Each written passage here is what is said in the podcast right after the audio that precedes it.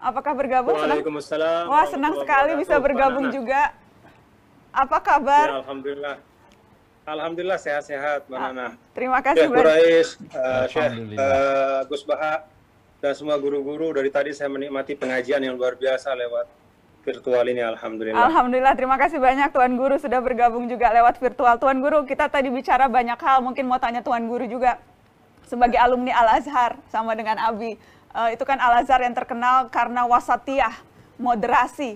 Mungkin bisa dibagi ke kami soal itu, bagaimana kemudian menanamkan moderasi ini tanpa dengan mudah, karena kadang-kadang moderasi, ada yang bilang, wah moderasi itu artinya menggampangkan menganggap sesuatu yang tadinya tidak boleh dibelok-belokkan begitu sehingga moderasi. Jadi bagaimana caranya kita moderasi tanpa meninggalkan eh, tradisi atau tanpa meninggalkan garis-garis batasan. Sudah, sudah, Tuan Guru. sudah?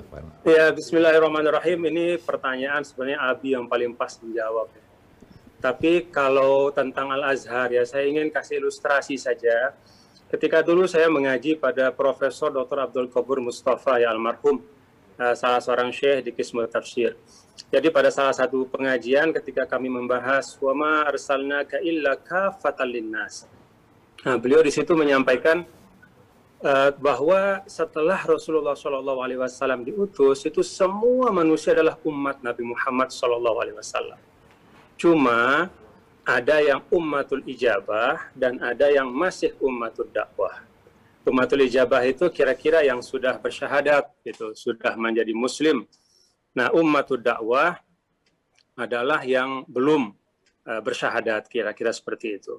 Nah, karena itu kata Profesor Abdul Ghafur Mustafa, kalau kamu Muhammad keluar dari ruangan ini, kemudian tasyuf wahid kibti, kata beliau.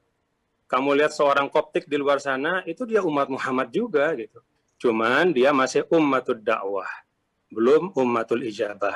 Karena itu kamu harus melihat dia dengan nazar rahmah, bahwa dia adalah bagian dari umat Nabi Muhammad Wasallam. Nah ini satu uh, ungkapan yang menurut saya mencerminkan ya bagaimana Al Azhar itu menanamkan wasatiyah kepada para santrinya. Ada satu ungkapan juga dari uh, uh, salah seorang guru ya saya lupa ketika saya dulu kuliah yang menyampaikan bahwa uh, agama itu adalah siapa gurumu. Jadi sesederhana itu. Jadi agamamu adalah siapa gurumu. Nah, karena itu kalau bicara tentang moderasi, tentang wasatiyah, maka arah Al-Azhar ya dengan uh, dia sebagai institusi institusi pendidikan istiqomah di situ menunjukkan bahwa memang uh, apa peran pendidikan itu luar biasa. Kan siapa pun yang muncul di ruang publik ya dengan narasi yang ekstrim, yang mengkafirkan, memfasikkan, membid'ahkan, dia kan produk dari pendidikan tertentu gitu.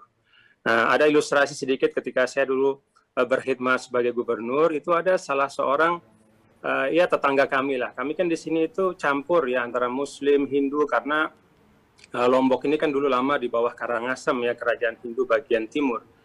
Nah, uh, salah seorang tokoh dari PHDI itu menyampaikan kepada saya, kebetulan dekat rumahnya ada salah satu sekolah Islam uh, tingkat uh, kanak-kanak ya, uh, Rodutul Afal TK gitu.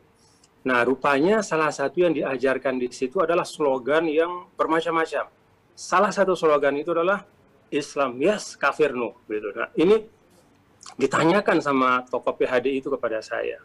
Uh, Tuan Guru, apa memang begitu tuntunan dalam Islam? Nah, ketika saya cek, ternyata benar bahwa rumah beliau itu berdekatan dengan sekolah uh, Islam itulah. Jadi ketika pulang-pulang, pulang anak-anak kecil itu ternyata menyampaikan slogan itu di jalan gitu. Nah, uh, ini kan uh, apa suatu suatu PR juga sebagai kita bahwa ketika bicara tentang wasatiyah, bicara tentang menangkal terorisme, kita harus sungguh-sungguh bicara tentang apa yang kita ajarkan kepada anak-anak kita mulai dari uh, tingkat yang paling rendah ya. Jadi penanaman nilai keislaman seperti apa sih yang kita tanamkan? Mohon maaf kalau kita menanamkan slogan seperti itu, ya tidak heran kalau kemudian mohon maaf terjadi friksi dalam hubungan sosial. Kan anak-anaknya akan besar, Ya. akan membawa itu sebagai bagian dari uh, pendidikan yang mungkin dia yakini ya bahwa cara atau bentuknya berkhidmat kepada Islam yaitu dengan memperbanyak teriakan slogan seperti itu. Jadi uh, menurut saya memang uh, ya. aspek uh, pendidikan itu sangat vital ya karena sekali lagi uh, agamamu adalah siapa gurumu. Syukur saya berguru pada Abi, pada uh, Gus Baha, pada Gusmus dan guru-guru di sini. Terima kasih. Assalamualaikum warahmatullahi wabarakatuh. Waalaikumsalam warahmatullahi wabarakatuh. Terima kasih Tuan Guru sudah bergabung.